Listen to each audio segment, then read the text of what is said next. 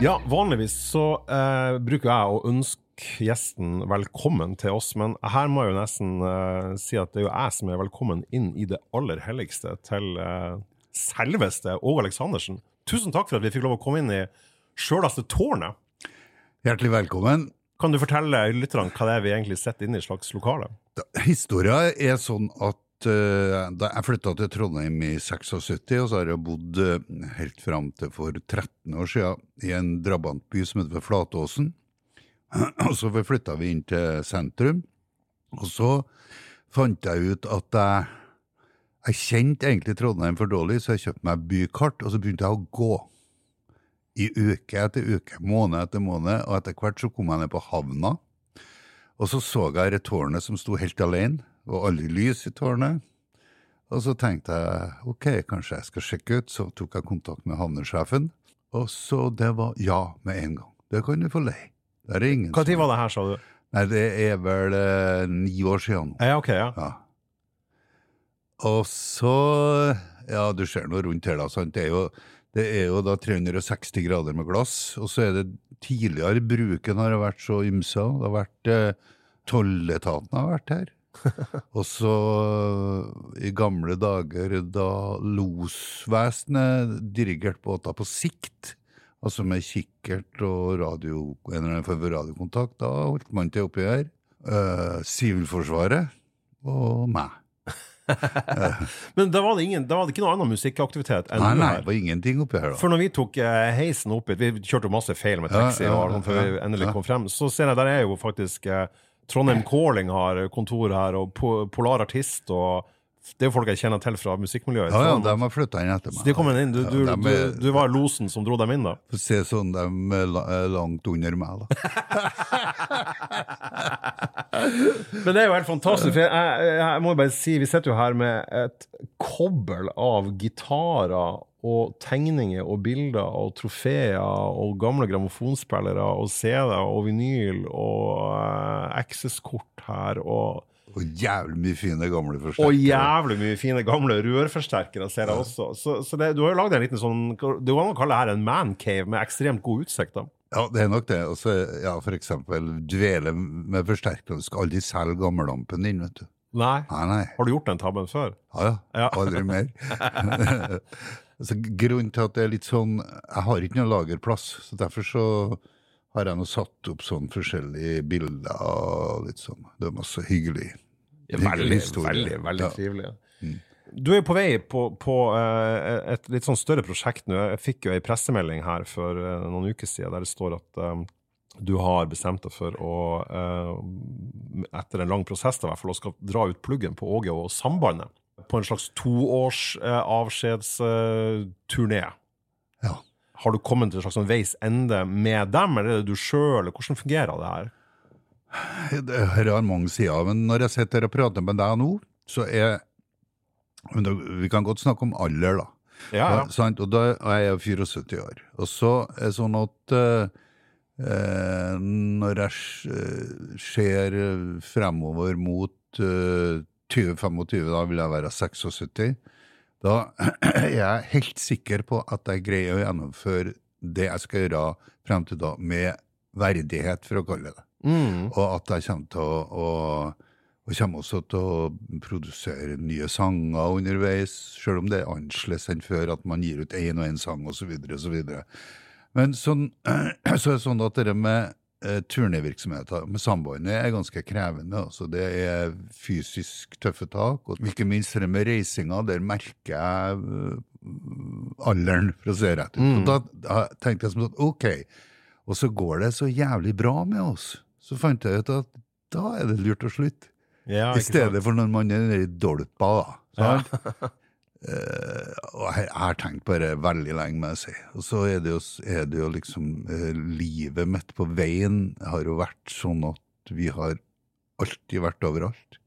Vi har alltid spilt for alle. Vi har liksom hatt det som sånn uh, klar målsetting at hvert år så skal vi dekke hele landet, og vi skal, og vi skal spille for 300 mennesker, vi skal spille for 3000 og 10 000 og 15 000 og alt det der. Og da, eh, når jeg, når jeg satte meg ned, så ba jeg Tor Evensen, da, som har jobba med meg i alle år, få ei liste over alt vi har gjort fra 2003, det var da vi starta opp Sambandet igjen, og frem til nå. For jeg har tenkt å besøke de plassene. Da fant jeg ut at avskjedsturen ville jo ta ni år. Og da, og da er du eh, 80, 83. Ja, så det, det, det kunne jeg jo ikke gjøre. Men så var det sånn at eh, ja, for å ta det praktiske rundt det, ja, så hvis jeg liksom skulle få med meg sånn stort og smått her og der, så tar det et par år. Det er nå det. Men det er ikke noe ufred i sambandet. Det, det er ingen, ingenting sånt. Det er bare kort og godt det at jeg føler at uh, den delen av livet mitt med så mange konserter over så, såpass konsentrert tid da, som, det, som det er når vi er på turné, det skal jeg nå legge bort. Og så får jeg bedre tid til f.eks. å være her i tårnet og lage nye sanger. Og så kan en Gunnar og jeg ta sånn akustisk friminutt og reise med strykere fra Trondheimssolistene, osv., osv. For jeg har veldig mye gode venner da, i bransjen som uh, mange ganger har bedt meg om å komme og ta noen sanger med dem her og der. Så, ja, ja, ja. ja, så, kan... ja, så når, når, jeg, når, jeg, hører deg snakke nå, så skjønner jeg at det, ikke, det er jo ikke, du, det er ikke noe sånn at du, at du legger ned gitaren på, på noen måte. Du, du, vil bare, det er bare det livet med fullt band på veien. Uh, den, den, delen der du ønsker å slutte mens du fortsatt er i stand til å gjøre det så bra som du syns det skal være. Forstår du deg rett da? Det er alltid det som er det, du kan si, Hvis jeg bruker ordet verdighet, da, så er det henne jeg ser uh, eldre damer og herrer som meg, der jeg tenker at kanskje like så greit at du hadde slutta nå. Sier du det, ja? ja? Har du noen eksempler på Du kan, si utenlandsk? Nei. nei, nei. Det, men, men, men, det er et eller annet med at uh, Jeg tror jeg kjenner godt bare sjøl, jeg. Og, og, derfor så mener jeg at uh, det gjør heller ikke noe om jeg roer ned litt, altså, det, hele greia. For det har vært eh, ja, det har vært jævlig hektisk nå, da, siden Prudence rest på turné første gangen i 1969 og frem til nå. Jeg ser de turnélistene der også. De var ikke spesielt eh, sparsommelige, de heller, på geografisk nedslagsfelt. Altså, Satan for noen turnélister du har hatt. Ja, og da, husk på, da sov vi jo ikke heller. Nei, de trengte ikke det. Men, men jeg ser jo bak her, eh, bak her vi sitter nå, så, så, for det var jo dattera di Oline som viste oss inn her før du kom, eh, så ser jeg et sånt norgeskart som er delt i to for å få plass til det på et vanlig eh, rektangulært lerret. Og så står det da masse sånne sølvnåler som er trødd inn i kartet. Så gikk jeg inn i kartet, så så jeg der jeg kommer fra, så så jeg, ja, det så både Fauske og Sturlet Hjelma. Ok, det her må være det må være turné, eh, altså plasser på turnélista. Så sa hun ja, han, han begynte på det. Men så ble det ikke plass, sa hun. Nei, det ble ikke, jeg ga opp. Det har blitt, det blitt så pepra at det ikke har vært plass til nye nåler. Det har ikke vært noe kart igjen i hele tatt, bare blanke nåler. Nei, og det er jo ja, hva skal jeg si da, vi skal dra hen nå, det er jo livet mitt. Men klart at du, du nevner for eksempel eh, Sulis og Fauske. Husk på, jeg er jo da æresmedlem av Sulitjelma gruvearbeiderforening. Veldig, veldig klar over det. Ja. Og jeg har eh, Altså æresslusk, jeg. Ja. Og så har jeg det er kult, det. Ja, Sulismedaljen. Ja. Og så er det en gang grunn sånn at uh, før man begynte å rasle ordentlig med sablene uh, når det gjaldt å legge ned grua, så hadde jo vi allerede spilt der i Sulis flere ganger. Ja, for Sulis ligger jo, bare for uinnvidde lyttere, så ligger jo Sulis ligger jo i um, Surlis, som vi kaller det for. Ja, altså Sulit Hjelma. Det ligger da i, i Fauske kommune, der jeg er fra. Og jeg husker jo at broderen og de du kjørte på liksom, moped til, til uh, Sulis for å se Åge-konserter. Du har jo til og med putta Surlis inn i en tekst også. Ja, det har jeg. Men så, så, sånn at, så ble jeg jo kjent med folkene oppi der, da. Og så da det begynte å spisse seg til, og de trengte økonomisk hjelp for å komme seg til Oslo for å prøve å berge arbeidsplassene, så stilte vi opp flere ganger. Mm. Og det er sånt jeg samler på. Ja. Ja, det er jo så, så flott. Så vet jeg jo at den ene gangen vi spilte der, så uh, tror jeg, tror jeg man hadde lov til å selge 350 billetter, og solgte 1100. Så. De alltid gitt faen i Sulis. Tøyt folk jeg ut ja. vinduene! Fantastisk. fantastisk Ja. Men jeg så jo jeg så jo turnélisten på, på um, Eller beskrivelsene av de, de turneene dere gjorde med, med, med Prudence, da. Det, det første ordentlige bandet ditt som, som du hadde med, med Terje Tysland, da, som den mest kjente makkeren. Eh, som dere ga ut fire plater på første halvdelen av 70-tallet. Og det var òg voldsomt med turnévirksomhet i blant annet i Nord-Norge, og, og ned innom Sverige også. Det må jo ha vært en vanvittig eh, en vanvittig drive innad i bandet på at det her var noe At det lå en enorm vilje bak det her, da. Ja, men tenk deg, vi var da, altså, vi var da 18 til 21 år. Ja. Vi hadde en type bagasje, hele gjengen, som gjorde at uh, vi uh, At det var liksom avansert brubrenning vi holdt på med på mange måter. da. Og Det høres ikke udelt positivt ut. Nei, men, men samtidig så er det mye rare rykter om Prudence. Men det som, er, det som er essensen her, er at vi jobba jævlig hardt. Mm. Vi laga veldig mye musikk eh, på kort tid. Og for eksempel en sånn turné den starter i Fredrikstad. Så spiller vi hele kysten oppover, og den gangen var det masse sånn fort og militære. Ja, eh, mm. Og så var Forsvarets turnékontor var jævlig glad i oss. Så vi spilte altså for Forsvaret mandag, tirsdag, onsdag og torsdag. Å ja, ja, at, De, at de booka dere? ja, ja. Og så Fantastisk. uh, spilte vi på bygda fredag og lørdag, så hadde vi stort sett fri på søndagene. Nå har vi snart kommet til Kirkenes. Da har vi vært på turné en måneds tid. Så rett over til Sverige, så spiller vi hele Sverige nedover. Rett over til Danmark, så spiller vi i Danmark i en tre uker, kanskje en måned. Jesus. Så hjem, og så rett på Saga og jobbe. Vi tjente ikke penger på turnévirksomheten, så tjente vi jo penger så at vi kunne betale regningene etter turneen. Ja. Og så reiste vi på turné igjen. Sånn holdt vi på. Ja, og så er det, jo, eh, det er jo et eller annet med um, uh, altså norsk rock og den situasjonen og den statusen ting er i dag, er, er jo veldig, veldig bra. Men på 70-tallet så, så er jo ehm, så er jo norsk rock eh, veldig på en måte i støpeskjeen. Altså 60-tallet var, var, var jo veldig minimalt. Du hadde Pussycats og et par andre ting, selvfølgelig. Mens også på 70-tallet så var det liksom, det var dere, og så var det Saft, uh, Aunt Mary, Junifer Green. Altså, men det var, det var ikke så jævla mange. Hvordan var det å komme rundt i Bygde-Norge og Bygde-Nord-Norge på liksom 2, 3, 4, 75? Hvordan var, hvordan var publikum som egentlig var ganske lite vant med, med rock? Ja, men det, altså, eh, Trøndelag spilte vi jo nesten aldri. Å ja, sier du det? Nei, vi, det Vanskelig å være profet i eget, ja, eh, fylke. Måtte være nordover.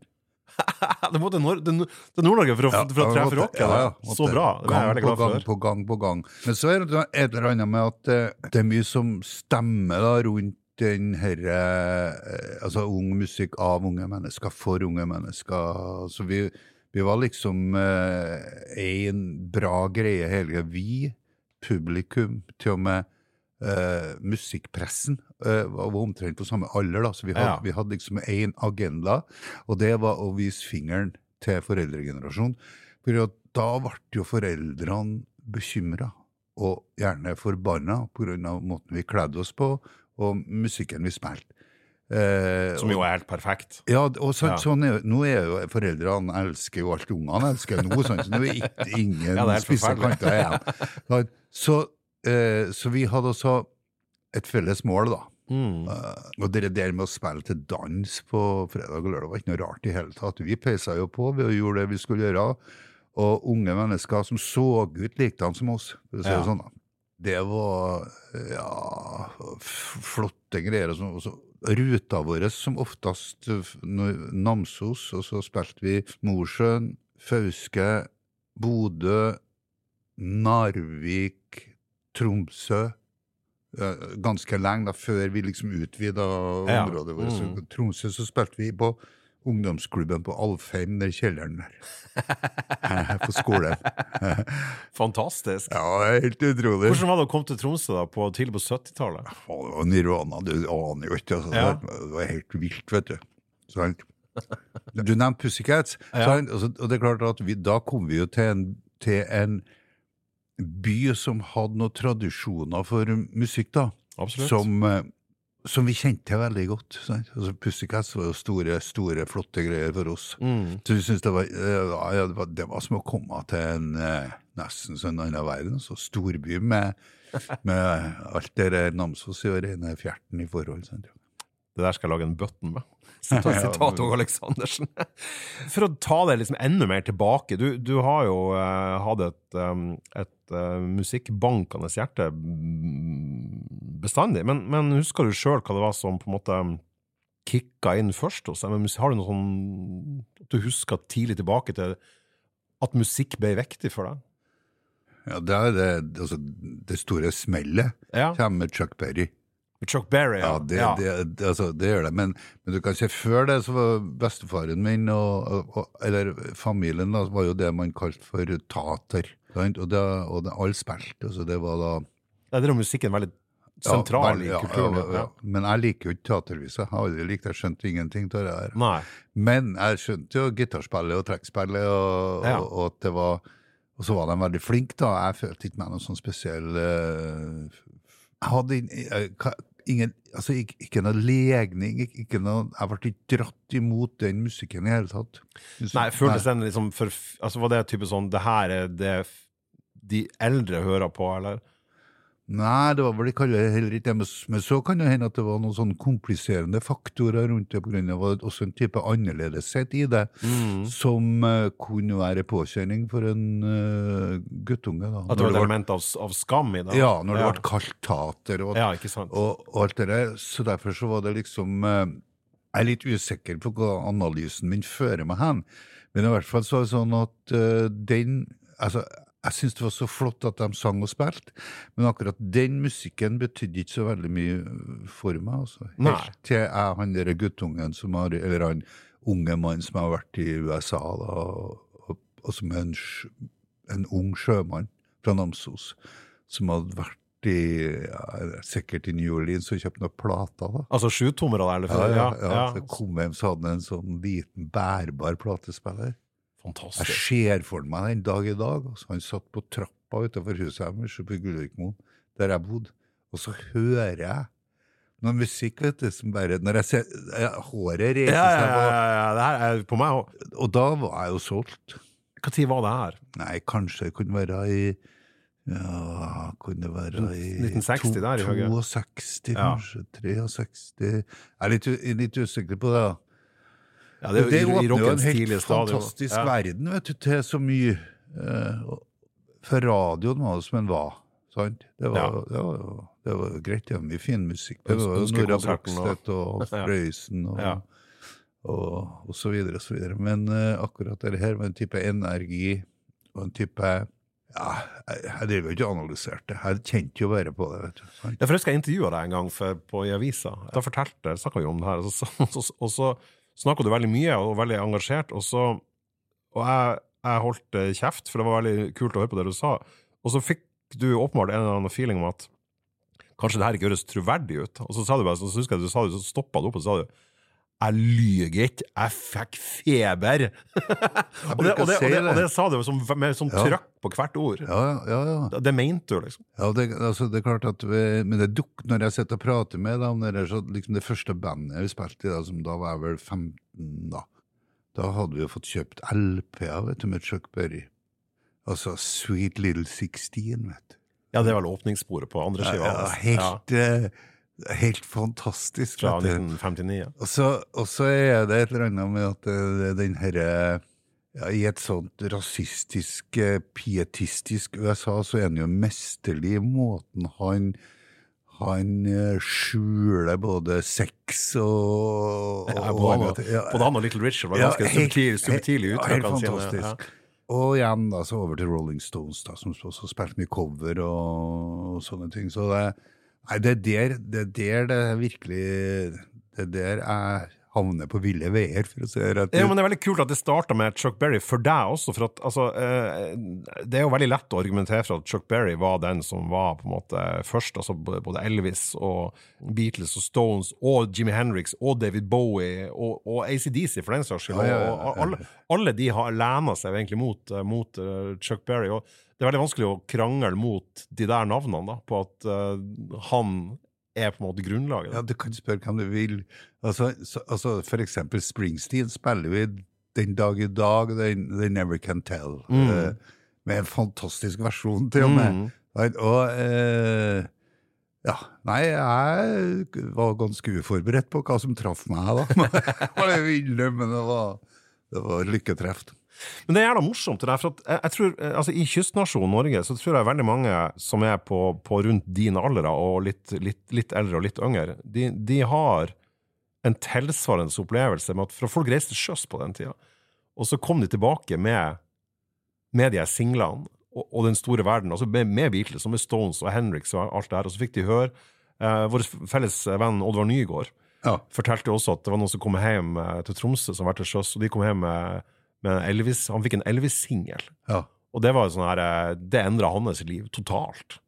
ja, nei, det er klart at uh, jeg tror nesten jeg var eneste unge mann i Namsos som ikke reiste på sjøen. Altså. Ja, ikke Til og sant? med Terje Tyskland altså, reiste på sjøen. Tror du han var en bra dekkskuter? ja, nei, det, ja. ja, Terje har fantastiske historier fra ja, Han, han havna jo i New Orleans, vet du. Hva er det, mopedtur? Han sier Hadde jeg mopeder i New Orleans? Ja ja. Han satt på med en eh, vakker, farget kvinne ut på bygda på eh, liksom et sånt cajun-tempel, altså. Så han hørte trackspillmusikk i to døgn, eh, og så Å, videre. og så videre. dæven, ja. Så det planta noe i han òg, åpenbart. ja, ja, ja, gjorde det. Ja. Nei, Chuck Berry, det er Det er Jeg, jeg trodde jo i mange år at det var bare meg da, som var klar over Chuck Berry. Ja, ja, ja. Men så er det som, selvfølgelig så går du da naturlig nok over da til, til uh, Rolling Stones. Beatles nevner du ikke, så åpenbart var Stones var din greie da. Jeg var ikke flink nok.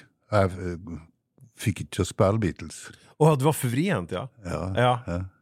Men, men Stones, var det, var det et band som du da uh, hørte på skiven da de kom fortløpende? Så at du liksom huska ja. Ja, ja, Jeg kan, kan den, for eksempel, jeg kan den dag i dag mange av de sangene, altså If You Need Me, for eksempel, tre grep, vet du, helt fantastisk eh, sang når du står der og er 15-16 år. ja. og har kanskje litt kjærlighetssorg i tillegg. Da. Så jo det, altså, det er jo en plattform å stå på som er helt eventyrlig. Nei, så var det et eller annet med at uh, de var jo ikke så strigla, vet du. Så det var liksom litt, eh, det var litt farligere og litt eh, en annen type intensitet med det, som jeg Jeg greier ikke å forklare det på en annen måte. at jeg likte uh, og forsto uh, Rolling Stones bedre helt frem til et visst punkt. Ja. Så, så skjønner jeg jo storheten i, i, i Beatles.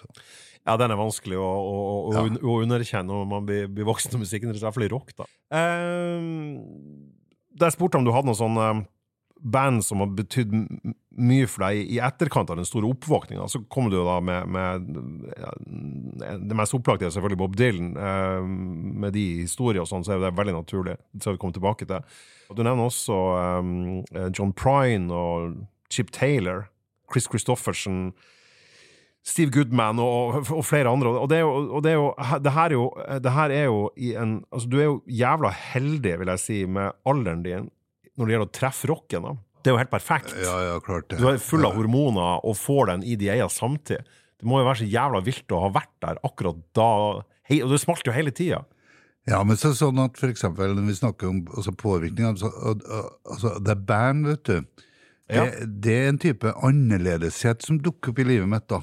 Sånn, eh, Når jeg snakker om Chuck Berry, så eh, er det liksom eh, Legg det på vekta, og så når jeg skal, når jeg skal balansere her, så er det band eh, veldig til stede også, på grunn av at det var ja, blant annet at de, at de brukte trekkspill, måten de forteller historiene sine på, eh, måten de eh, framsto på, altså coverne deres, eh, type rustikke eh, greie. Hvis du tenker på Prudence, når du ser på coverne til Prudence, mm. så skjønner du at uh, Ah, nettopp, hva ja. vi stjal. Ja. Ja, for at, eh, vi, kan, vi kan egentlig bare gå rett på sak. Jeg synes det er helt topp. Det er perfekt bru inn dit. For at jeg spurte om sånn Øde Øy-plate. Hvilken plate vil du ta med deg på Øde Øy? Og ei av de du nevnte, var i hvert fall uh, Music from the Big Pink, da, av, Ja. av nettopp The Band, Ja. uh, fra 1968. Ja. Eh, og det er jo debutskiva deres, uh, etter de har vært liksom, turnert med Bob Dylan. Og, og det, det coveret er vel faktisk også malt av Bob Dylan, hvis jeg husker rett. Ja, det er det nok. Ja. Ja. Hva var det med The Band? Uh, Kan, kan du fortelle for uinnvidde? Hva er, hva er, hva er storheten til The Band først og fremst for dem? Nei, det er jo en type sånn harmonisk, relativt enkelhet i det òg, sånn i slektskap med, med Rolling Stone. Men så har de ekstremt gode sangere. Altså tre sangere som er helt sånn til å, til å, til å besvime av. Og så er det eh, Så syns jeg det er ganske interessant å høre hvor forskjellige de er fra når de spiller med Dylan. Altså, øh, når de spiller med Dylan, så var det helt klart sånn Dylan-musikk, Dylan-band-greie. Men når de, øh, når de da framstår som The Band, så er det en type sånn rotfesta verdighet og ro over alt det de gjør, da. Litt skakt og litt så videre. Men harmoniene i sangen, historiene de forteller, hele pakka. Og så, hvis vi flytter oss til neste album, altså The Band, da. Jeg, vil- jeg vil bare holde oss til, akkurat det her i to sekunder til. For det, det er, jeg leste at, eh, at eh, Bob Dylan har skrevet eh, tre av de låtene på den, på den skiva, deriblant en I Shall Be Released, da, som er siste låten. Og han skulle jo egentlig synge på flere av de her låtene her på, på, på den plata da de gikk i studio. Men så var det han sjøl som bare plutselig fant ut at her, her blir jeg en, et forstyrrende element. Ja. Og så lot han heller de slippe til. Og der har du liksom, du har jo, du har jo liksom både Rick Danko og Liv Van Helm og Rob Robertson, og de, de, de, de trengte jo ikke Bob Dylan Nei, på, på, på, på vokal heller. Så, og, og det var nok et bra grep av Dylan at han trakk seg ut og lot de blomstre for seg sjøl. Ja. Nei, eh, alt godt jeg kan si om musikere og band, ligger for meg forankra i, i det band. Altså, det bare, så var de eh, Jeg følte også at de var så annerledes da når det gjaldt. Selv om de var populære, så var de aldri sånn ekkelt pop, om du skjønner. Nei. Jeg, jeg, jeg, jeg greier ikke helt å forklare det. Altså, det var ja, verdighet over, over hele greia deres. da, Mm. Og Nei, eh, de fantastisk. Ja, og neste skive er jo også en, en superklassiker. Ja, ja, ja. Egentlig de to neste. Jeg har- jo spilt nesten alle sangene her, jeg vet, til- Ja. fra platene deres. Ja. Og må innrømme at første gangen jeg hørte eksempel I Shall Be Released, det satt dypt i meg. altså. Ja. Og det er en underlig affære. Det er det, altså. Ja. Ja, det skiva her og jeg har også en, en låt som heter The Wait, som er kanskje Oh. en av deres største, som jeg, jeg sjøl syns jeg, jeg fikk sett Rick Danko fremføre den med Eric Anderson og Jonas Fjell eh, i Tromsø. Da, følte jeg at, jeg liksom du, fikk et sånn touch av noe gammel historie som er veldig, veldig kult å få med seg før han, før han strøk med. Du landa likevel på ei skive av, eh, av eh, den store, store Bob. Og det er litt morsomt, for at forrige gang jeg spurte om ei plate som betydde særlig mye for deg, så, så, så nevnte du The Band-skiva, som vi allerede har snakka Ja, om. ja. Og da sa du uh, Blond on Blond med Bob Ja. Dylan. Og den er fra Jeg 1966. tenkte på etterpå. Når jeg skrev, ja. Men så, men så, og det er jo kult, det, altså. Men, men, så, men her gikk du på skiva som kom før det igjen, da. Ja. Og det er jo også en uh, enorm klassiker. Kan du si noen ord om, uh, om den skiva du landa på, da? Vi snakker om Chuck Berry, og vi snakker om The Band, men det som nesten er umulig å forklare, er jo eh, påvirkninga Bob Dylan har på et ungt menneske. altså. Ja, det vil jeg Ja, sånn, Å analysere Bob Dylan, da tror jeg det da er på tynn is. Virkelig. Eh, men igjen, for meg, da, så sånn som jeg opplever musikk, da, så er det sånn at jeg, det er hele pakka. Det er altså han derre visesangeren da, som her da plutselig har blitt elektrisk, da. Ja, Vi snakker om skiva Highway 61 Revisited, for de som ikke har fått det med seg. ja, selvfølgelig. Ja. Ja, også Like a Rolling Stone. Åpningssporet, ja. helt eh, Hva var det som traff meg? Så den første gangen jeg hørte det, når jeg sitter og snakker med deg nå, så, så, så jeg- kan jeg tror jeg kan dra tilbake dit. Altså. Jeg var rystet inn i sjela. ja. Bare orgelet til Al Cooper der er jo nok til at man eh, Helt- får ståpels eh, ennå. Og så, og så er det som om han sier til meg at jeg forstår deg. Ja. Sant? For det, altså, man, hvis man skal forflytte seg da, tilbake dit, eh, så var eh, var ikke så jævlig mange som forsto meg. Nei. Nei, ikke sant? Nei, Men så kom han der fyren der og liksom banka på døra mi og så sa at hør her, Åge. Men hvordan, for det syns jeg det er jeg litt nysgjerrig på. For at når du er født eh, i 49, og det her er jo da før du har blitt på en måte myndig og sånn òg, Ja. så var jo engelskkunnskapene i Norge var jo jævla dårlige på den tida her. Altså Folk var ikke så gode i engelsk, for det, var, det var lite engelsk på skolen. Sånn, det kom jo i, i etterkant, og i dag er de jo mye bedre enn en, en det jeg var. Forsto du noe av hva det var han sang, eller var det bare det at du forsto det i kraft av at han liksom kunne sunge sunget kinesisk? på en måte, At, det var, at, det var, at han traff deg i kraft av musikken? Nesten. Ja. Nesten, eh, ja. Chuck Berry skjønner det mer på liksom, enn Bob Dylan. Men jeg skjønte hva han eh, Men jeg er enig i det, og engelskkunnskapene Og jeg husker jeg sang på engelsk i Prudence, og helt skrekkelig å tenke på i dag, vet du. Eller, nei, det var jeg forsto ganske mye, da. Ja. Og det er jo for eksempel en annen sang, jeg vet ikke, men altså Positively Fort Street, hvis det ja, du nevnte den. Det er artig, for at den singelen eh, Det er en låt med Bob Dylan som kun kom på singelen. Ja, ja. Mell mellom Blond og Blond Ja, og, det Heavy 61. Ja. glansnummeret til Sivert Høyem og meg. Vi bruker å spille Ja, den. ja, ja, ja. du, har jo, eh, du har gjort den med en Du har gjort den låten har du gjort eh, på den eh, Bob Dylan-plata du spilte inn. Der du har gjort den til et sånn pek mot Akersgata. Ja, det er det. Men det, men det kan si originalen til. Til Men du og Sivert gjør den på engelsk. Ja, vi gjør den. Ja, Ja, vi har gjort den i lag flere ganger. Ja. Og det er et eller annet type Det frådende raseriet Bob Dylan eh, tydeligvis eh, har lagra opp til den, da. Ja, for det, han er faen meg forbanna på den singelen, han altså. er så lynforbanna, vet du. Og ganske sånn selvrettferdig òg. Han, Ja. sånn, han tar seg jo seg sjøl i forsvar i den, Ja, han den låten her. Jeg tenker på at, eh, for du, du har jo en, en låt sjøl som du gjorde med, med Prudence, den derre Daidalos sønner, som jo er eh, Eller var på Eller er det på Må jeg tenke meg om her. Du har en låt der du skriver om Der du skriver om eh, at ingen forsto dere da dere dro ut og kom tilbake. Å ja, ja, ja, men det er laga for mange år. Jeg ble, Prudence fikk eh, kulturprisen i Namsos, skjønner du, for mange, mange år. Ja. For ikke så lenge siden. Ja. Så ble jeg spurt om jeg kunne holde en tale. Nei, jeg meg og tale, har laga en sang i stedet, vet du. Så dere, den dere Daidalos sønner er da talen min. Det er talen, ja! Det er jeg så røra. Men fantastisk, for den, den låten har jo noe slektskap til Bob Dylan-låten. Den har det, ja. ok, ja, så det er ikke så på bærtur, i hvert fall. Nei, jeg er nådeløs der, mener jeg altså. Ja, for den er veldig sånn eh, eh, De som sto og pekte og gjorde narr av Ja. dere, eh, og ikke hadde trua, og når dere kom tilbake, sliten og Ja, ja. lang, langhåra Ja, ja, ja. og Så det er jo litt av det samme type raseriet, da. Ja, dem som satt i salen og gledet seg til den tal- talen, de ble litt lang i fjeset etter hvert.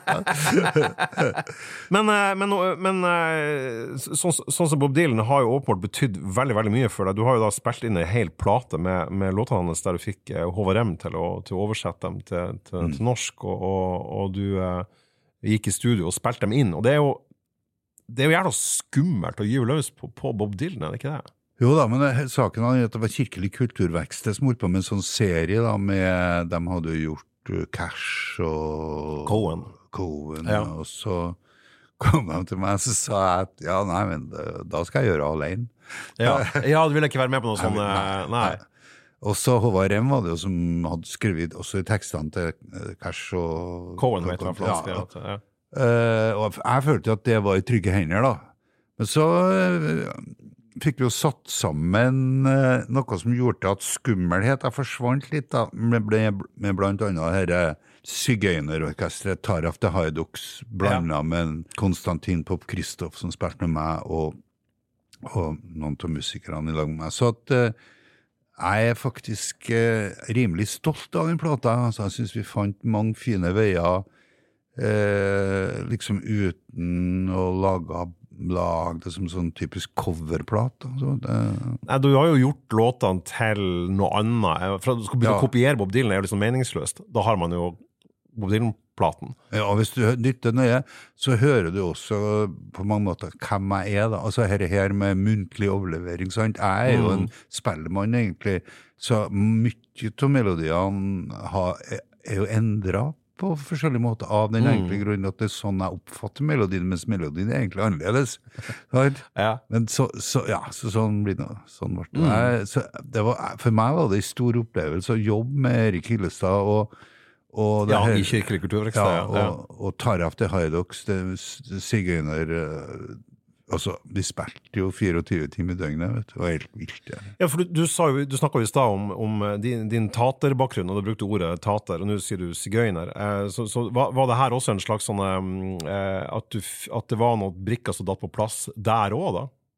Ja, senere i livet da, Ja. kan du si, så er det sånn at uh, det her, her er aldri komplisert for meg mer. Jeg er ikke noe redd, jeg er ikke noe Jeg, er ikke noe, jeg vet hvem jeg er, og, og, og har eh, fått innblikk da i eh, det her eh, hvor komplisert eh, livet kan være for eh, for den som er annerledes. da. Altså, Du skal ikke mye rødt hår til hele fregna, eller hva, gud vet hva det skal være før du ligger tynt an. sant? Og jeg har jo hatt uh, slektninger som har bukka under på grunn av at de eh, ja, ikke fiksa å være seg sjøl, for å si det på den måten. Ja, for det som, som ung så vil du jo helst bare blende inn. Ja, det var det, vet du. Ja. Ja. Men jeg tenker på det, rent- på, på det rent musikalske her, at du da fikk på en måte en kontakt med den, den musikken som du også var, var vokst opp med, da. Ja, for da, da kan jeg, altså Det er en liten omvei her, da, og det er han fiolinisten som heter for Konstantin Pop-Kristoff. For jeg var i en jeg tror det var en 40-årsdag i Trondheim, og et hjørne sto det en trio og spilte. Bass, trekkspill og fiolin. Ja. Og Konstantin spilte fiolin. Han, han spilte jo i Trondheim Symfoniorkester sånn til daglig. Og da smalt det. Da ble jeg altså håpløst forelska i det fiolinspillet. Og så gjør jeg da eh, For å ta en kortversjon det, I mange år så, så har jeg et akustisk prega band med en Konstantin som eh, eh, førerhund, for å si det på den måten. Ja, ja. Og fikk jo jævlig mye kjeft for platene jeg ga ut. Jeg ga fullstendig F, jeg. Jeg gjør det for, jeg, for- den turen med, med fiolinspillet til Konstantin rundt ørene, det forklarte meg veldig mye om både meg sjøl Mm. og hvor jævlig sta jeg kan være, da. Så, så, så vi gjorde også så mye fint i lag. Vi turnerte veldig mye i Danmark og gjorde det bra, og så videre, og så. Og det er klart at det her er tater, sånn, det den dragningen min mot det her intense mollstemte som det her er, da, Mm. den, eh, det kulminerer med den eh, Dylan-plata. Som, som en liten sånn sigøynerfestival. Ja, ja, ja. Du har jo da også eh, vært i den eh, jeg må si litt sånn særegne situasjonen at du faktisk eh, fikk anledning til å prate med Bob Dylan. Nå skal jeg høre. Så det, men, det, det må du fortelle om. Jeg, jeg det er jeg nysgjerrig på. Ja, nå putta jeg en drue i munnen. Ja, saken er sånn at Spellemannsprisen i 85, tror jeg, sånn, der var det en representant fra en amerikansk musikkorganisasjon som minner om Tono. Han heter Richard Rydstrøm, han krabaten der. Han eh, ble jeg godt kjent med da, da var jeg i, i Norge, og han fikk med seg masse plater av meg, så så. Eh, hadde prata og blant annet med det forholdet mitt med, med Dylan, og han fortalte at han var venn med Susan Mann, som var publisheren til Bob Dylan, og så. Og, og jeg tenkte jo at han der amerikaneren, han er typisk ja, ja, tenkte jeg Ja, sånn ja, ja, skrøne- ja, kjenner, ja, ja, klart det, hyggelig ja, ha det. Ja. Så fortsetter vi å holde kontakten, jeg og han, etter at han for til USA. Og den gangen hadde jeg Snakka han norsk? Nei, vi Han, han var ameri amerikaner, Ja, amerikaner. ja. Ja, så var jeg på hytta på Oppdal, da. Vi hadde hytte på Oppdal da, helt annet. Men så en kveld så ringte Richard Rydstrøm meg. Så sier han Hi, Åge, sa han. I'm, we're having a party with Susan Mann. Bob's here. He wants to speak with you. Bob, Dylan, Bob Dylan ville snakke med deg? ja. Han hadde tydeligvis lagt seg ned. Jeg la på. Du feiga ut! Ja! Å, herregud! Men, eh, men eh, Ja, OK. Jeg, jeg, både, jeg både skjønner det og ikke skjønner. For her har du jo da på en måte en, en, uni, en ganske unik mulighet. Jeg tilta fullstendig, sant? Og og, og, men nå er historien sånn at vi hadde jo snakka mye i lag, og jeg hadde jo også Da drev jeg og jobba med hvilken plat var jeg drev og jobba Jeg tror jeg jobba med Lasse Lindbom, da, som produserte eh, Solregn og Men det her var etter, eh, det her var etter den Bob Dylan 'Fredløs på norsk'-plata. Nei.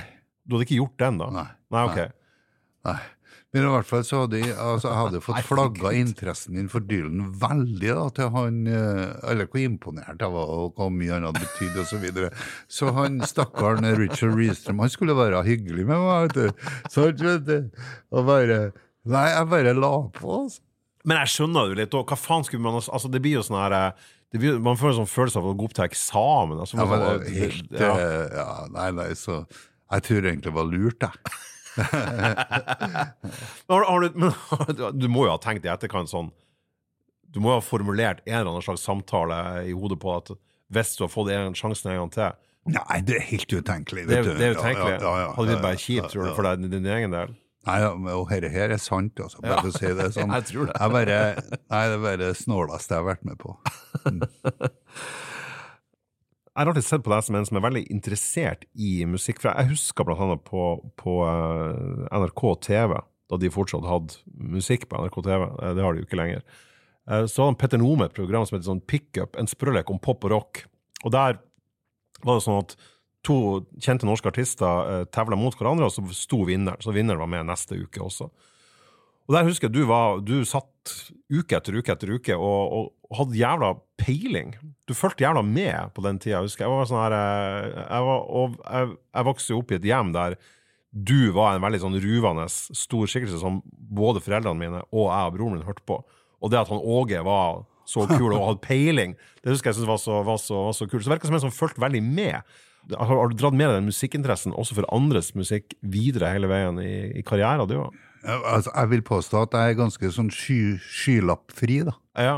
Jeg har ikke noe Altså, jeg, jeg, jeg hører på alt, jeg. jeg ikke, Nei, det, det gjør du. Du hører Jo, ikke på jo. alt. Nei, men sånn altså, altså, jeg har altså, Hører du på, har hører du på Tix? Ja, jeg tror jeg mister ikke nattesøvnen av det, gjør jeg. Nei, jeg gjør ikke det. Men, så, men så, så, sånn at Ok, så har jeg jeg jo. Nei, men så har jeg jo møtt fyren. Ja. sant? Så var han jo verdens kuleste, hyggeligste type. da. Men det er noe annet historie. Nei, Ja, det kan jo lage mye. Men det jeg brukte å gjøre, kan jeg si, etter når, når den moderne verden tok over alt der, der mer eller mindre sånn ti sanger, tolv sanger, cover, alt det der, når det forvitrer og forsvinner, på mange måter, og vært borte lenge, så har jeg da eh, sånn konsekvent lasta ned alle Grammy-nominerte i USA, Billboard eh, opptelling, Rolling Stones opptelling sånn, og så har jeg hørt igjennom. Ja, ikke sant? For Ja, at du fortsatt har en nyfikenhet ja, ja, i hva er, hva er det som skjer. Ja. Hva er det som skjer, da? Ja. Og veldig sjelden jeg får feber. ja, Chuck Berry-feber, ja. Ja, det er det. Men derfor så er det sånn at uh, jeg er faktisk uh, Jeg føler at jeg er beleira på en måte av mengden med musikk. da, Sånn at uh, og, og det tror jeg kanskje har noe med alderen å gjøre, at jeg er faktisk ikke i stand til å ta inn over meg så mye musikk. Altså, du vet, uh, her er fra å gå i platebutikken og kjøpe ei plate og ta med hjem og pakke ut og legge på platespilleren eller en CD osv. Det er en prosess. Absolutt. Det tar tid, det koster penger, du må sette av tid, eksempel. Du har penger nok, har du ikke det, til å kjøpe Jo, jo, musikk? men, ja. men, ja, men altså, her, er- her er- det er ikke uh, Det er ikke sånn lenger. Det er bare sånn Rører du pekefingeren din nå feil, så er hjernen din stappfull av fæl musikk. Sant? Trykker du feil, sant? Så er det, men for eksempel, jeg kjørte fra Oppdal i dag, nå, så hørte jeg på Vidar Sandbekk. Sjøl selvvalgt. Ikke sant? Så, så hørte jeg på Vidar Ja. Sandbekk. Så hørte jeg Dakota-kallet med Vidar Sandbekk. Den handler om influensere og påvirkere. Ja, ja, ja. Skrev vi for så jævlig lenge siden. Så ironisk enkelt og flott. Så det har sine sider, her, her men eh, det er nesten bare utelukkende positivt. Jeg Ja. kan høre hva jeg vil når jeg vil. Ja. Sånn, men Du har også kasta deg på strømminga, og du bruker det bevisst. Jeg må det. Ja, Ja, jeg må ja det. men det er jo kult. ja, jeg må det. For jeg er ikke sånn vinylkar. Jeg er ikke sånn uh, Jeg har ikke uh, 60 000 Nei, LP. jeg har ikke sånn. CD-spiller heller, jeg. Nei. Jeg- jeg- jeg- Men, jeg, men liksom det, når jeg først skal høre, så må jeg høre. Da, må, altså, da, da lytter jeg til noe som, er, som betyr noe for meg. Men klart at det, det å orientere seg i flommen av musikk er ikke jeg i stand til. lenger. Nei, det er vel egentlig ingen som er i stand til det, sånn som det blir nå. Så det er jo, det er jo et, uh, det er jo et privilegium med å bli eldre og at man kan på en måte Man, man må ikke, men man kan, man kan uh, cherrypick det, for å si det på godt norsk. da. Ja, men det så, altså, eh, jeg hører jo Prøve desperat å unngå radioprogrammet musikk, da. Ja, jeg har, jeg har det akkurat liggende. Jeg hører på Nyhetsmorgen hver morgen. Må høre på det. Jeg må høre Jeg starter da med det. sånn, halv sju til ni. Sant? Da har Helt jeg eh, samme her. Ja. Eh, og da får jeg liksom fylt uh, hodet. Og jeg, jeg husker da Ukeslutt, det programmet, begynte å ha musikk. Så slutta jeg å høre på det. Ja, men du vet du kan høre det i ettertid. Da er det uten musikk. det er, du kan høre podkastversjonen. Ja, Helt ja. perfekt. Akkurat sånn som denne her. Ja, jeg venter til programmet er ferdig, så hører jeg andre versjon. Det er akkurat det. Fy sære greier. Ehm, jeg spurte også om det, var, om det var noe særlig minneverdig du sjøl hadde sett live, altså av noen andre. Uh, og da hadde du et jævla uh, spesielt svar som jeg syntes var veldig kult å høre. da. Uh, vi skal tilbake til 1985. Ja. Kan du fortelle litt om det? Midnattsrock i Lakselv. Offisiellhuset var der. Om vi spilte i lag, eller om vi hadde hver sitt band eh, Vi, vi spilte sikkert i lag, vi hadde sikkert hver sitt band. Vi visste jo ikke Ja, det Midnattsrocken altså, var jo en, en, en svær greie, og første året det var overhodet, var i 1984. Ja, Eh, og da var du også der. ja bare med Leva livet. Det var jo helt eh, Ikke sant? Ja. Så det her var, var, og nå var du tilbake der, liksom. Ja, Eh, og, og det var en ganske kul lineup. Vannskrekk spilte faktisk der også, jeg. Ja, ja, ja. Så det var en eh, bra dose trønderrock der, Ja, der, der oppe. Ja, fortell. Ja, nei, så står vi jo bak scenen, da, og jeg satt scenen, så plutselig så hører jeg fra scenen en kjent melodi, altså Working Class Hero med Lennon. Så på samisk, eh, ung kvinnestemme. Åh, altså når jeg sitter her nå, så øh, kjenner jeg at håret reiser seg her, så tenker jeg, hva i all verdens dager og rike er det der? Så jeg går da frem til kall det grava, da, et gjerde der, så jeg kunne gå frem, og der står det jo ei jente som jeg ikke vet hvem er. Sant? Og det er da Mari Boine som står og synger uh, Working Class Hero. Og uh, ja, den dag i dag, jeg må inn, det var en av de største konsertopplevelsene jeg noen gang har hatt. For det var så Det òg, vet du. Tidsbildet, sant. Husk på 85. Ja, ja, ja. Mari, samisk, ikke noe enkel affære. Det er type, type verdighet og stolthet over henne når hun står der og gjør det der. Grep meg voldsomt. Også. Og noe jævla gutsy over det også. Ja, ja, det er klart Ja. det. Ja. Så sånn liksom starter jo det eh, vennskapet og forholdet mitt til, til Mari, da. Ja, for det har jo fortsatt Hun er jo, eh, hun er jo med eh, Hun er jo med og synger på, på Rosalita, på Solregnplata di. Ja, ja. Eh, og har jo eh, også eh, gjort eh, en av dine mest kjente låter, siste sporet på, på Leva livet, Ja. eh, 'Fremmed fugl'. Eh, jeg så et opptak der hun gjør det mens du ser på. Det er veldig, veldig sterkt øyeblikk. Du ser ut som du Eller man ser ikke, det ser ikke ut som Man ser at du er helt enormt bevega. Du må ikke si det, vet du, for jeg blir så bevega nå. Vet du. Så, Jo, men det er jo ikke noe rart. Mm. Hennes versjon av Fremmedfugl er så inntil beinet bra, altså. At jeg eh, priser meg lykkelig over at jeg hørte henne den gangen, vet du. Sant? Så nei, eh, hun er helt enestående. altså. Men kan det være noe, en slags At det er, at det er, sånn, at det er litt flere lag her også? For at eh, versjonen hennes er helt fantastisk, isolert sett. Eh, men det er jo òg Det er vel første gangen du egentlig Den låten, den er jo da fra 84. Skrevet i 83, vil jeg tro. da. Ja. Eh, det er vel første gangen du egentlig pensla vagt innom din egen annerledeshet, Ja. som hun virkelig har kjent på. ja. Eh, kan det være noe at det treffer dobbelt hardt, da, på noe vis? Den sangen der har jo flere sider, vet du. Og det er jo på sett og vis blitt min form, da. At eh, når det gjelder meg og mitt, jeg jeg er mer antyder da, enn å bruke slegger. Og så eh, boka, biografi, het Fremmedfugl. Ja. Sangen het Fremmedfugl. Sangen handler om Utgangspunktet for sangen er jo den gangen het landet Sovjet. Den gangen myrda de unger i Afghanistan. Nå holder de på med det samme borti Ukraina. Ulykkelige mennesker på flukt, sant? Mm. som eh, ja, ikke vet hvor de eh, Skal. hen. Mm. Men samtidig sant, så er det riktig det du sier, at jeg er jo der.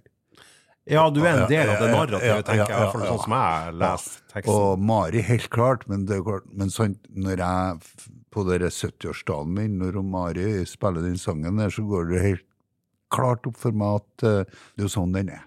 Mm. At, at håren er egentlig den, den riktige versjonen, ja. Den er. Det, er, sånn, det er sånn den var tenkt. Ja, ja, ja, ja. Det er jo jævla fint. Å, faen. Herregud. Ja.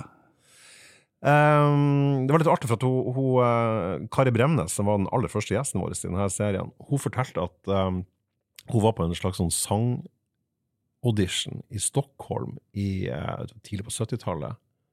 Og da var Mari Boine der, og ingen av de visste hvem de to var. For ingen av de hadde plate. Og da spilte Mari Boine Working Class Hero til en sånn sangpedagog. På, på engelsk, riktignok.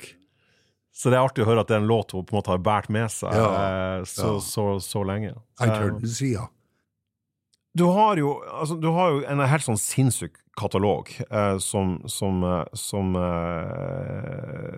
er, en av de, det er en av de største sånn sangskattene som er i, i Norge, og er jo fra en Altså helt fra over 50 år siden. Fra 1972 kom først, første Prudence, og helt frem til, helt frem til vi sitter her i dag. Eh, og det er jo noen det er jo noen eh, ville historier, det er noen ville salgstall, og det er, det er utrolig mye, mye. Og man kunne stått og hatt ett program om per, altså per plate her. Men det er klart, det er jo ei skive som, som særlig skiller seg ut når det kommer til, til Åge Aleksandersen, og, og, og det var ei plate du også gjerne ville snakke om sjøl. Og det er jo selvfølgelig Leva Leve av livet, da. Eh, som, som er et av de mest sånn kanoniserte albumene i, i, i norsk, norsk historie. Ut i 1984. Um, Solgt 260 000-70 000 uh, da den kom, og alle hørte den, og den, og den, eh, den, den erobra jo både folket, og sikkert også deg sjøl òg, kan jeg tenke meg til. Kan, kan du fortelle litt om den, om den plata? Hva var livet ditt før og etter Leva livet? Altså, Leve livet har, innbiller meg også er enormt viktig for deg, siden du også sa at du gjerne vil snakke om den. Ja da, det er klart at uh, nå hadde jeg, Du kan si de to platene før, da, Ramp og Dans med deg, hadde begge to solgt veldig bra, da, sånn i norsk uh, Heter den ikke Dans med meg? Meg. Ja, Ikke låten som heter Dans med deg. Jo, men det, du er jo 74 år. Og jeg korrigerer over Aleksandersen på hans egen katalog. Så, men, Men meg er var jo også en, den var jo en kjempesuksess. Solgt 80 000, Ja, og ja. er så- din The River, på en måte. Ja. Ei liveskive og ei, og eh, ja. studioplate. Men det, og da, og det, det, da må jeg snakke litt om bandet, på grunn av at da har jo da, da har Gunnar Pedersen blitt med i bandet, Mm. og Lasse Hafrager og Bjørn Røsta. Så I tillegg til Tor Evensen og Knut Stensholm. Den besetninga blomstra, liksom, det var veldig mye positivt eh, rundt det, da. Men så skjer jo følgende at uh, jeg er ikke noen sånn bombesikker mann i hele tatt når jeg er i studio og spiller inn plate. Altså. Leve av livet var jo Jeg gikk jo til Gunnar Horvik og sa at den der Lys og varmesangen kutter vi ut. Vi venter til neste plat med å gi ut den. Ja, det der, det har jeg sett du har sagt i andre intervjuer, og det, og det er beviset på at artister aldri må få lov å bestemme sjøl. Ja. Eh, sånn som Bob Dylan gjorde med Blind Willie McTell på Infields, som han tok ut sjøl. Ja, det. Som, som aldri, altså det dummeste outtaken Ja, ja. noensinne. Men, men er, er- det jævla vanskelig å, å forstå når du sitter med en hit, da, på en måte? da? ja. Jeg har ikke Du, peiling. du, hadde, du hadde ingen idé om at Aldri det hatt var peiling. Nei, Nei. jeg har ikke det. Nei.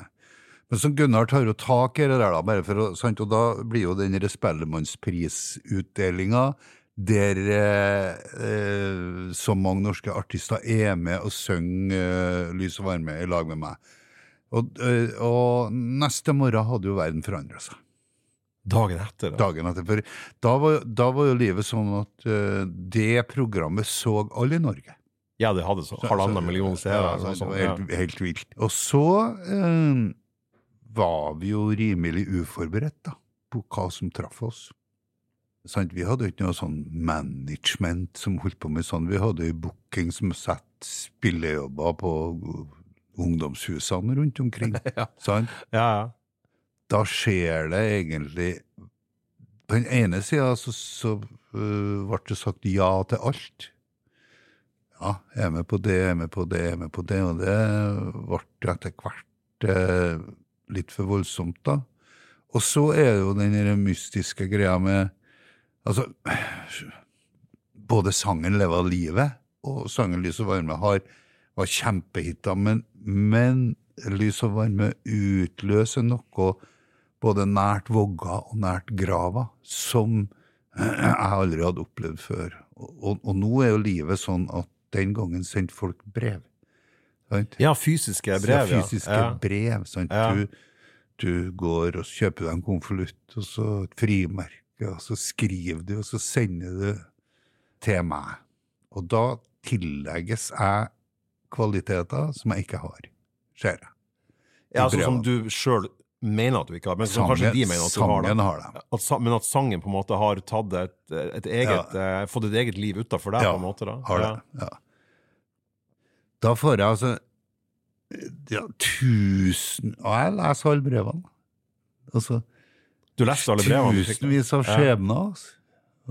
Om ungen som døde, om og så videre og så videre. Sant? Helt eh, eh, Og hvor god trøst det var i lys og varme og så videre og så videre. Sant? Jeg, og dette her var Der og da så var det en, en litt sånn Marstrøm-lignende greie. Altså. Ja. Sånn Tok du det innover deg på en litt sånn en, på en litt tung måte? da? At, at det ble litt voldsomt? Eller litt Ja. overveldende? da? Ja, det var det, mengden, da, Ja. kan du si. ja. Eh, og når jeg sånn tillagt eh, at jeg eh, ble tillagt kvaliteter som jeg ikke hadde, eh, jeg begynte aldri å tro på det. At jeg var noe likere enn jeg var. Nei, jeg gjorde ikke det. Men, men, men det, er, det er jo litt rart, det òg. For, at- altså, for at 'Leve av livet' er jo ei plate som, som, som du helt korrekt påpeker, den kommer jo etter du allerede har hatt suksess. Altså Ramp solgte jo type 60 000, som var øh, tre ganger så mye som første DumDum Boys, liksom, og, og, og var jo en, en kjempesuksess. Uh, og Dans med meg solgte 80 000. Så når 'Leve av livet' kom, så var det jo plutselig, det var jo tidenes mest solgte plate i Norge da, så det var jo, det var jo helt enormt. Men du var jo ikke ukjent med suksess. Nei. Men her, du vet, dette her er noe helt annet. Altså, det, Du har et, et, nytt, et nytt nivå Ja, av ting. Ja. Det ligner ikke på noe. Plutselig så kunne du kunne du få være på Dagsrevyen hver dag hvis du ville. Plutselig så Ja. kunne du få være med på absolutt alt sammen. Det er klart at bordet fanger jo til en viss grad. For eksempel altså, ble det jo sånn at hvis vi reiste på turné, så hadde vi to konserter hver dag. Ja, To konserter om dagen! ja. ja. ja. Det er jo sånn her Beatles i Ja, altså, Hamburg-opplegg. det, og det er klart at det går ikke lenge. Nei. Nei, så jeg svima jo av på scenen og og, oh, og så videre og så videre. Men det er noe Altså, eh, sånn i ettertid så opplever jeg det som eh, nesten bare positivt, alt det her, da. Og, og den herre Altså, det at folk mener noe og, og, og forteller noe om en sang jeg har skrevet, det er jo det likeste en sangskriver kan oppleve, egentlig. Det vil jeg jo tro. Og så var du jo Du var jo i tillegg, eh, hva skal jeg si, eh, i anførselstegn heldig, altså, men du var jo 35 eller noe sånt da den kom Ja, ut. ja, ja. Så du var jo relativt voksen, vil jeg jo si da. Eh, veldig mange andre opplever, de vi snakket om her i stad, sånn Beatles, Stones og alle det her, de var jo i tidlig 20-årene da de ble verdensstjerne. Ja. Eh, men du var jo på en måte Du hadde, hatt, du hadde jo suksess med Prudence òg, og, og hadde allerede hatt suksess med, med flere soloplater. Dette var album nummer sju, eller noe sånt, og du var 35 år, så du hadde jo egentlig et, et større fundament til stede for å kunne fikse det, da. Eller var det bare for digert uansett? Ja, du kan si at eh, det jeg vel savner, da, eh, spesielt i 84, det er nok eh, et mer profesjonelt apparat også rundt meg. Ja. Sånn, så Som har skjerma deg? jeg snakka med alle. Ja, du- ja, som burde ha skjerma deg, rett Ja, og slett. ja, Ja, men, men det Ja, det gikk jo over. Sant? Det gjorde det. Jo, men samtidig, du, du sier det gikk over. Altså, den, den oppfølgeren der for den, Jeg husker kjempegodt da oppfølgeren kom, eh, Eldorado. Jeg, jeg spilte den masse, for foreldrene mine kjøpte den. Og så Ja. tok jo jeg og broderen opp på kassett, så vi, så, og alle satt og hørte på den. Eh, og og den, den solgte jo nesten like mye. Ja, de. Eh, den solgte noe helt sinnssykt, den, den plata. Ja, ja, de gjorde det. Eh, og og, og eh, jeg, jeg tror den solgte 160 000 på forhånd, hvis jeg husker rett. Og så solgte den type 250 000. Altså det var sånn syke tall. Ja, det er- kun sånn juleplater av Sissel Kyrkjebø som har solgt mer enn den også. Så, så den var jo egentlig en braksuksess.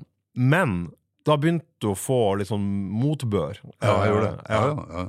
Hva, hva, tror du det skyldtes at det var litt sånn som det er i engelske musikkaviser, sånn build them up and drag them down, at nå skal vi, nå skal vi vise òg at vi tør å dra ned, eller tror du det var, når du ser på det i ettertid, er albumet betydelig svakere Ja, enn det er det. Det er det, ja. Så det var litt rett i den kritikken òg. ja, ja, Ja. ja. Jeg er enig i det. Jeg daffer greier. Det, det er jævla bra. Eh, er det, er for at, men for at jeg husker jeg, jeg, jeg så et intervju med deg for masse masse år siden, type på 90-tallet, altså sånn, eh, der du sa at det, det var greit å bli kritisert, og, og, du- og, du, du, eh, måtte jo bare venne deg til det også, men, men de trenger jo faen ikke å ta vettet fra meg, sa du. Nei da, det er klart at det, Det gikk jo ganske langt i en del av de kritikkene. Ja, Ja. det er noe Det, det er jo ikke noe artig. Det, men det er klart, det, Eldorado er jo ingenting. Det kommer jo å være ting senere. Og da har jeg en idé om at vi skal muligens til 1991 Ja. til skive som heter uh, Laika. Ja. Og den er Den har jeg hørt, jeg hørte på den i, i går. ja. Uh, det er jo to uh, jævla sprø låter på den. den, den, den, den eh, Tittelsporet er kanskje ikke det, det største sånn dyllenske øyeblikket ditt, så tekstmessig, men den hunden som skal ram, ramle Å, dæven, den syns jeg er bra, vet du. Så det, Den er bra, ja. Ja. Og, og så avslutningssporet, som da er et slags hørespill. Eh, det, det, høres, det høres veldig eh, skrudd ut i 2023. Den ga deg heller ikke masse jeg si, medgang blant kritikere. Jeg må, jeg må beskrive da. Sant, plata kom ut, skulle komme ut en dag, og jeg var i Oslo og skulle lansere det her. da.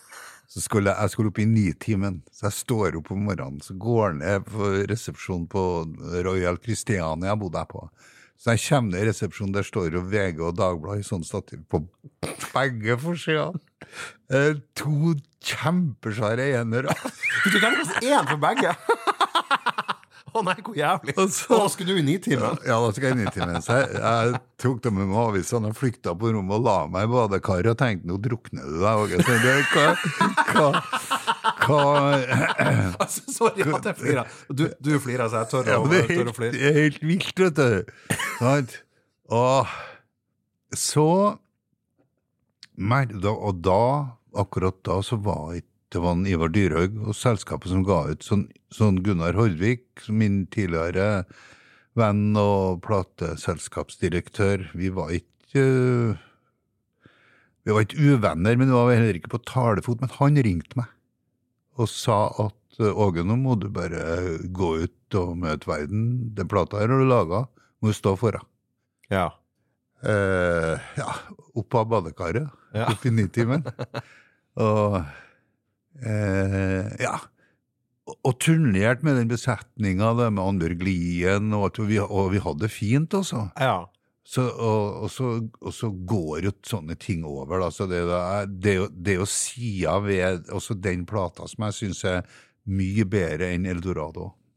Laika. Ja, Ja. jeg syns det. Det artige er at den solgte jo faen meg 45 000, Ja, som, som, er, som, et, som et salgstall andre artister ville, ville, ville eh, skjært av seg kroppsdeler for å oppnå det. Altså det var, det var, men det var i Åge-universet, da, så var jo det en fiasko. Ja, det var det. Men det er klart at det, eh, i en så lang karriere som min, for å si det sånn, så må du regne med å få noen smeller. Altså. Jeg er ikke upåvirka, men samtidig så er jeg i stand til å jeg jeg er i stand til å skjønne hva som er oppriktig meint kritikk, og hva som er bare bannskap og skjellsord.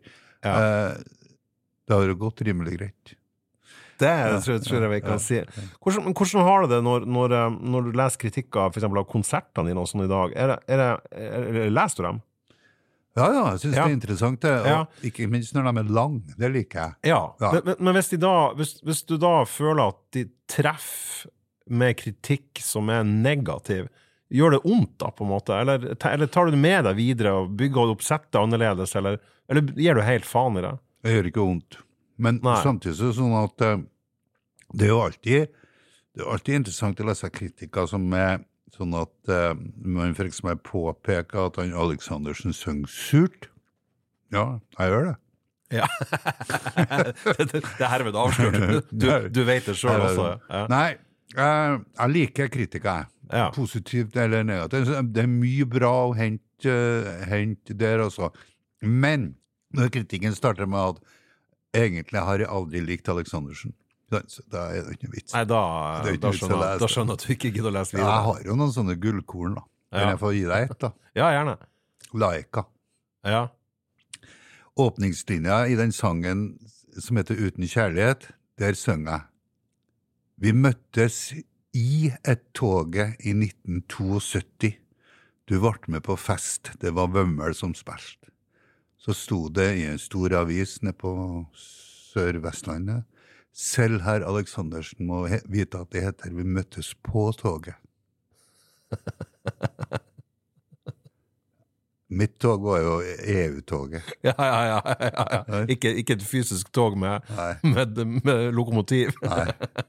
Den syns jeg jo Og derfor så fikk jeg veldig dårlig kritikk, ettersom jeg ikke Visste hvilken preposisjon du skulle bruke på toget. Jeg har mange sånne, ja. Her er- Men, eh, men eh, jeg vil ikke slippe helt den lyse varme, da. Nei, den lyse varme, den, den, den, den eh, Både låten og den, og den skiva Leva livet. For at du var jo da eh, på et stadie i karrieren din hvor, hvor det også ble eh, gjort et forsøk på å breake deg i Sverige. Ja. Eh, så året etterpå kommer jo da plata uh, Ljus og värme ja.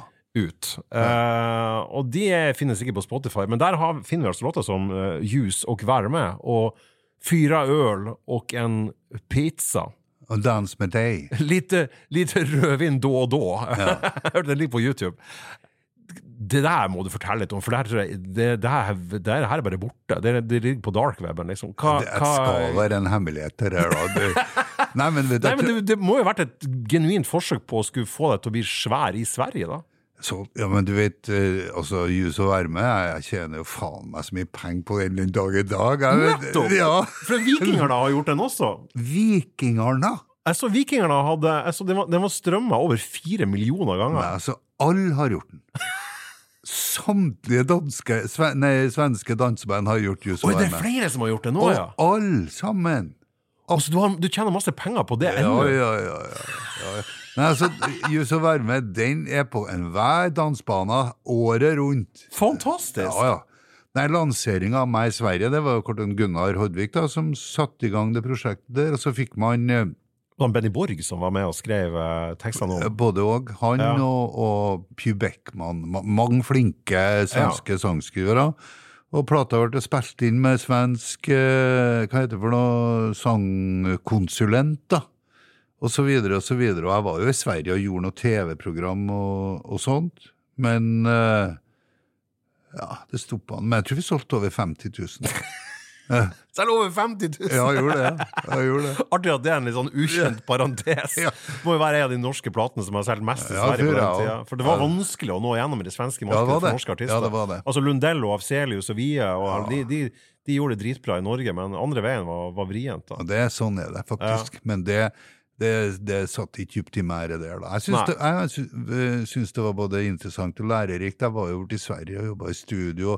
Men altså, Laika er jo svensk produsent, Lasse Lindbom, som har produsert Gesle og, og Marie Fredriksson. Mm. Og, og han, det var han som produserte Solreng-plata, og spilte vi inn i, i, i Stockholm. da.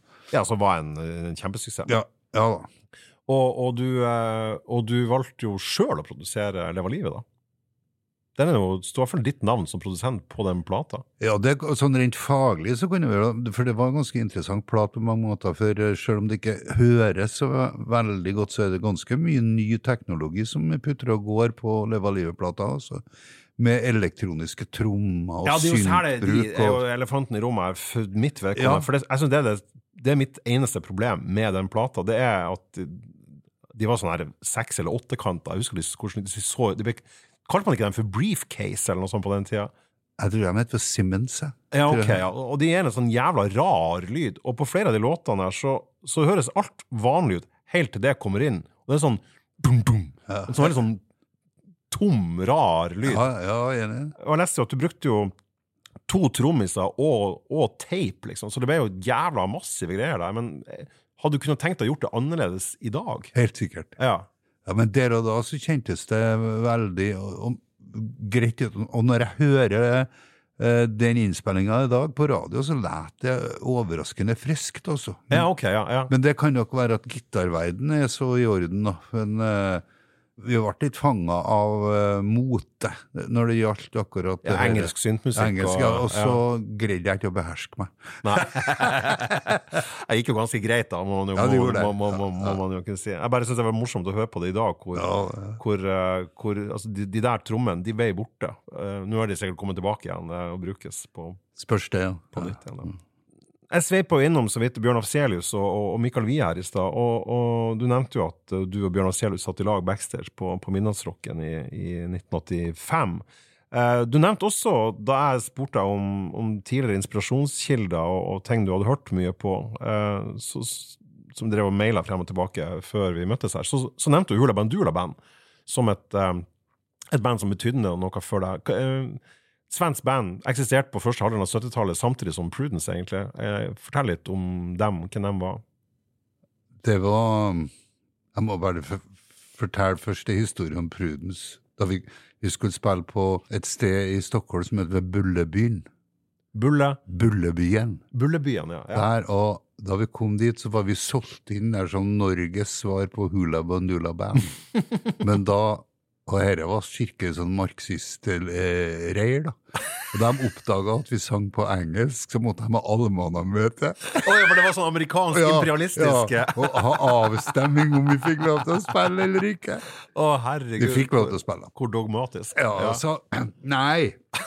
Hula Bandula Band er for meg veiviseren er inn imot det her med uh, den type musikk. Så, så, så det er vanskelig å Her er ordet rock, da. Men altså, eh, altså den type musikk med eh, dialekt, som, som de gjorde den gangen, da, det var liksom døråpneren og veiviseren for meg. Eh, der jeg innså Eller da jeg innså at jeg var nødt til å begynne å synge på norsk hvis jeg skulle Å ja, det var dem som eh, pekte ja. ut den retninga for deg.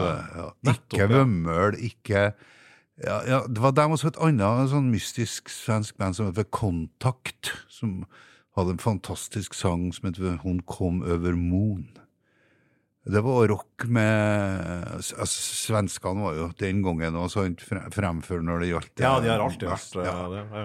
Nei, så det, det den, altså Hula Bandula visste jo Visste meg Ja, at det gikk an.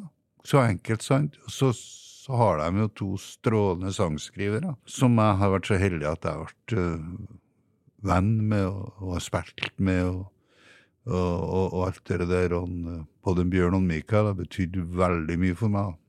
Bjørn og jeg var jo Ja, vi, vi gjorde mye i lag. Vi, vi bygde jo blant annet et kulturhus i Managua. Da I Nicaragua, i ja. Og spilte inn utrolig mange millioner til, til det prosjektet der, da. Ja, for de var jo veldig Altså Hula Bandula Band i sin tid, men eh, de hadde jo også Jeg husker, jeg husker, jeg husker at um, foreldrene mine drev og hørte på det der. Så jeg husker jeg fikk ja. historien til Victor Jara, da. Ja, ja, ja. Eh, og det fikk jeg igjen, og det var på grunn av Hula Bandula Band. Eh, så Faren min fortalte meg hele historien om Victor Jara, eller Victor Jara, som det jeg tror det skal uttales. Ja, Så de, de var veldig tidlig ute på det politiske, og, og, og Michael Wie og Bjørn Afselius fortsatte jo å være det. Veldig politisk på, på venstresida.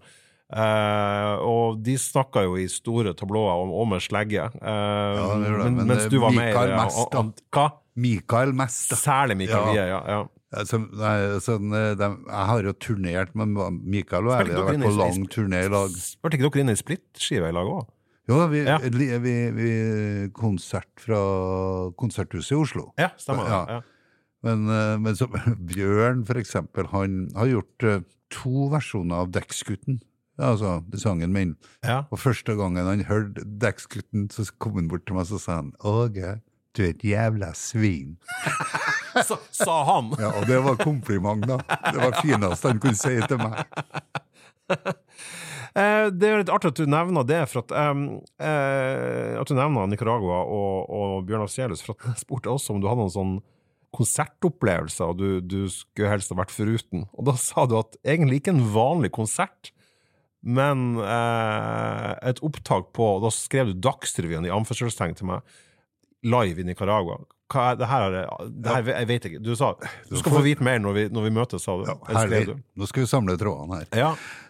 Um, det var en eh, Gunnar Pedersen og Terje Tranås og jeg. Vi var i Nicaragua i forbindelse med Jeg har et sånt bistandsprosjekt som jeg hol- holder på med borte her. Hvilket årstall snakker vi nå, cirka? Nei, hva når er det her? Det måtte være i 96 Ja, der i hugget. Eh, så- Når kom Laika ut, da? Laika kom i 91. Ja, 91, da eller 92, vil jeg tro. Ja. Ok, så eh, eh, skulle du være med på Dagsrevyen, altså direktesendt nyhetssending i Systema Sandinista. Ja, altså i det, på den, den, den nicaraguanske Dagsrevyen. Ja, ja, ja, ja, landsdekkende direktesending. ja. Og der skulle jeg snakke om det der prosjektet mitt, og så skulle vi mime til en sang. altså, hvem sin sang? Min sang. Og nå skal du høre Altså med playback? Ja, med playback. Ja. Og det var ikke noe prøver, ingenting, og det var bare en sånn liten sånn fjert av en høyttaler oppå veggen. og sånn. Det var greit, det, da. Men så var det sånn de skulle ha sangen på sånn vanlig kassett, da, ikke datt eller noe sånt. Det òg var greit. Men, og så hadde vi bestemt oss for at vi skulle gjøre Laika. Låten Laika? Låten Laika. På, på norsk? på norsk, ja. Skal Ja. mime til den. Og så gjør vi intervjuet, og så sier programlederen da Ok, senor Alexander, Alexander Don Alejandro. Og så, Don Alejandro! ja, ja. så starter teipen i halv hastighet. Og hører direkte. Og så er det sånn synkgrep på begynnelsen som var sånn. Og, den, og er låten Laika i halv hastighet. Ja, det tok jo hele nyhetssendinga. altså, jeg kunne ikke se på Gunnar og Terje, for de holdt på å flire. Og jeg måtte jo mime og si Jeg så et bilde på en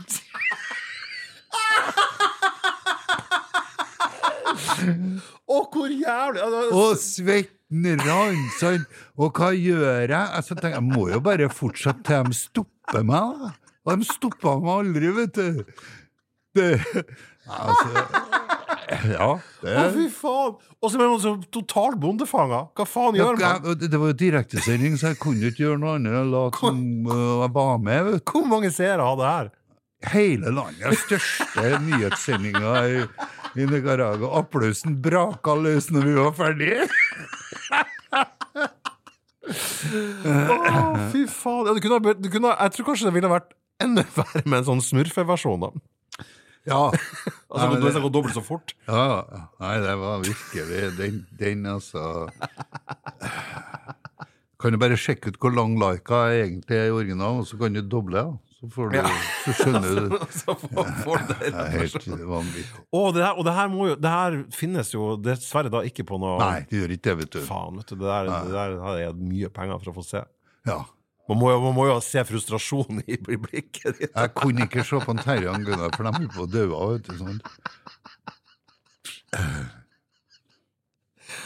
Uh, jeg, jeg, jeg mener at jeg var borte en gang at du, at du nevnte uh, at det gikk gærent med noen teiper, for at du hadde på, på turn, Når du turnerte med Leva livet, så hadde du Fremmed fugl og en låt til som du hadde tro, noe sånn trommespor på.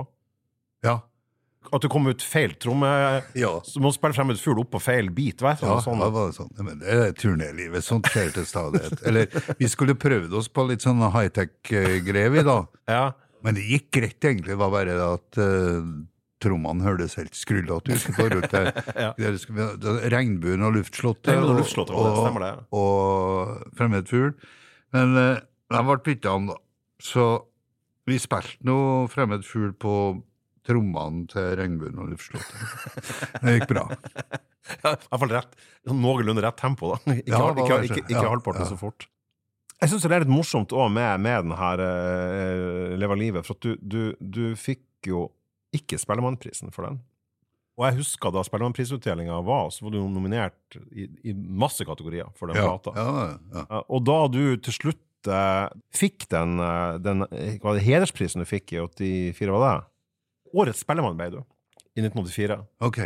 Men det som var poenget mitt, og det vil jeg frem til, du har fått så jævla mye utmerkelser. Altså, du har fått liksom Du har fått ærepriser herifra til evigheter og tilbake.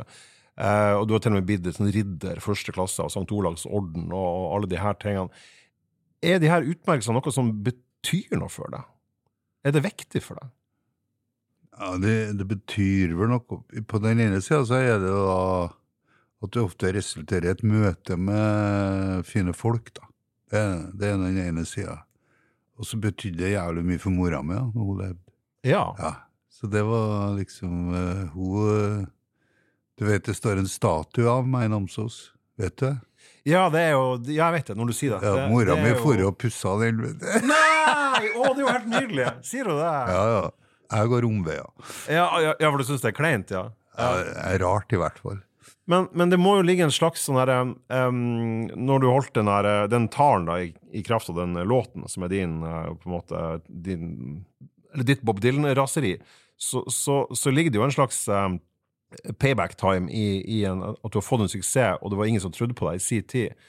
Og de utmerkelsene her, og den statuen der, for den saks skyld, er jo en slags sånn herre Det er jo manifestering av at du har gjort noe som har betydd noe for mange. Eh, Det må jo være litt kult òg, da? Ja, der er du. Det, du er rett, det. det er, og jeg velger å tro det. Mm. at, eh, at eh, det er oppriktig meint, da. At de syns at Ja, at det er bra, det jeg har, gjort. Så er jo den, den situasjonen og liksom Hva Hva jeg skal si, da? Være meg. Ja. Åge. ja. Eh, litt sånn, den er jo litt sprø på mange måter. Du er deg, som du sang Ja. eller snakka i Laika. Ja, jeg, jeg bare Jeg bare Jeg er litt utafor, egentlig, hele den greia, altså. Jeg er det. Fortsatt. Ja, jeg er det. Jeg, jeg, jeg ser på han der Aleksandersen med litt sånn skeptisk eh, øye, jeg også. Jeg gjør det. Sånn eh, Men eh, summen her er jo det at jeg har reist i så mange år, og så, og så har jeg blitt kjent med så mye folk rundt omkring, og så, og så mye plasser. Altså, jeg er veldig interessert i hva som foregår, da. Og reisa mi har jo da vært sånn at eh, jeg har sett eh, landet i vekst, jeg har sett landet i fall. Jeg har sett eh, mannfolkene på puben i arbeidstida i Berlevåg. Jeg skjønner, jeg ser faresignal, jeg ser, jeg ser at uh, dette her er unaturlig. Så Jeg sier at det her, dere skulle egentlig vært ute og fiska, hvorfor gjør man ikke det? Jeg har sett Klondyke i Hammerfest. Sant? Altså, jeg har, altså, hele landet, så, sånt forhold har jeg til det.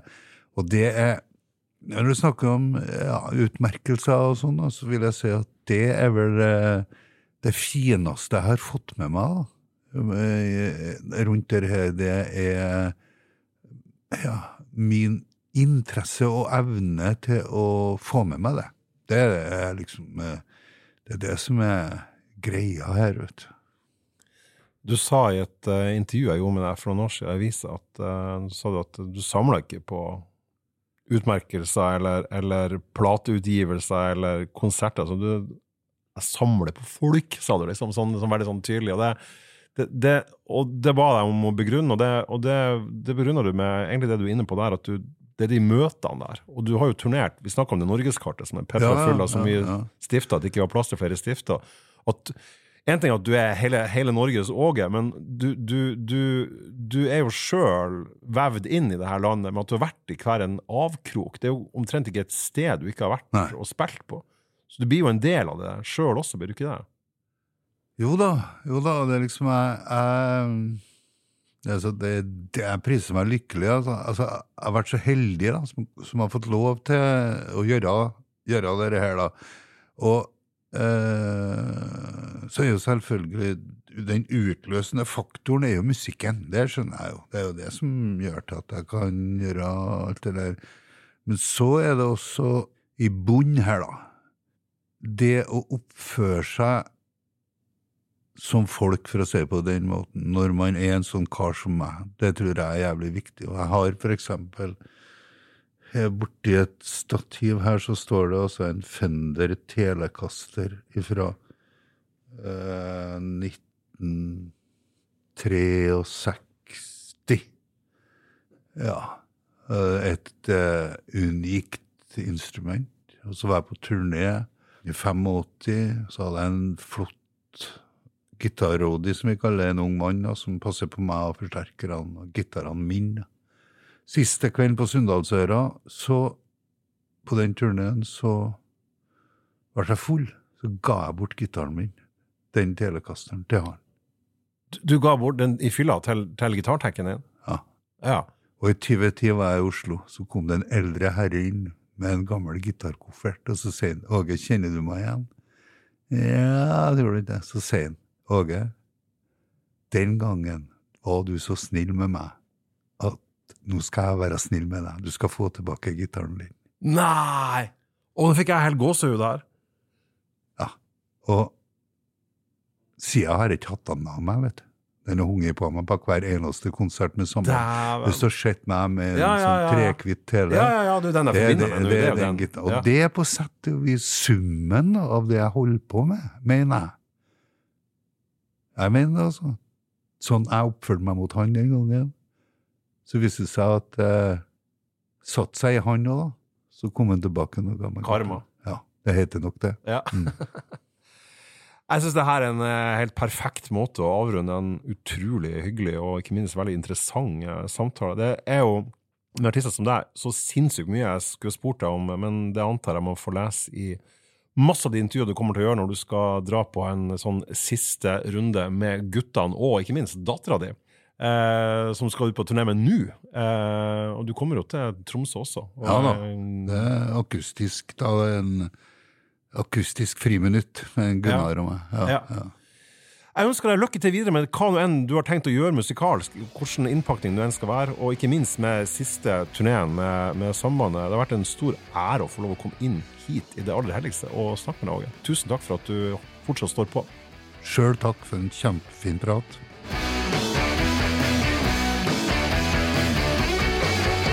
Feedback er en podkastserie fra avisa i Tromsø. Produsenten for sendinga var han Svein Lian, og jeg heter Egon Holstad. Husk også at vi lager spilleliste der all musikken som nevnes i sendingene legges til. Og de finner du på hjemmesiden til Tromsø i feedback-seksjonen, der du også finner anmeldelser av plate, anmeldelser av konserter, samt intervjuer, liste og masse annet aktuelt musikkstoff.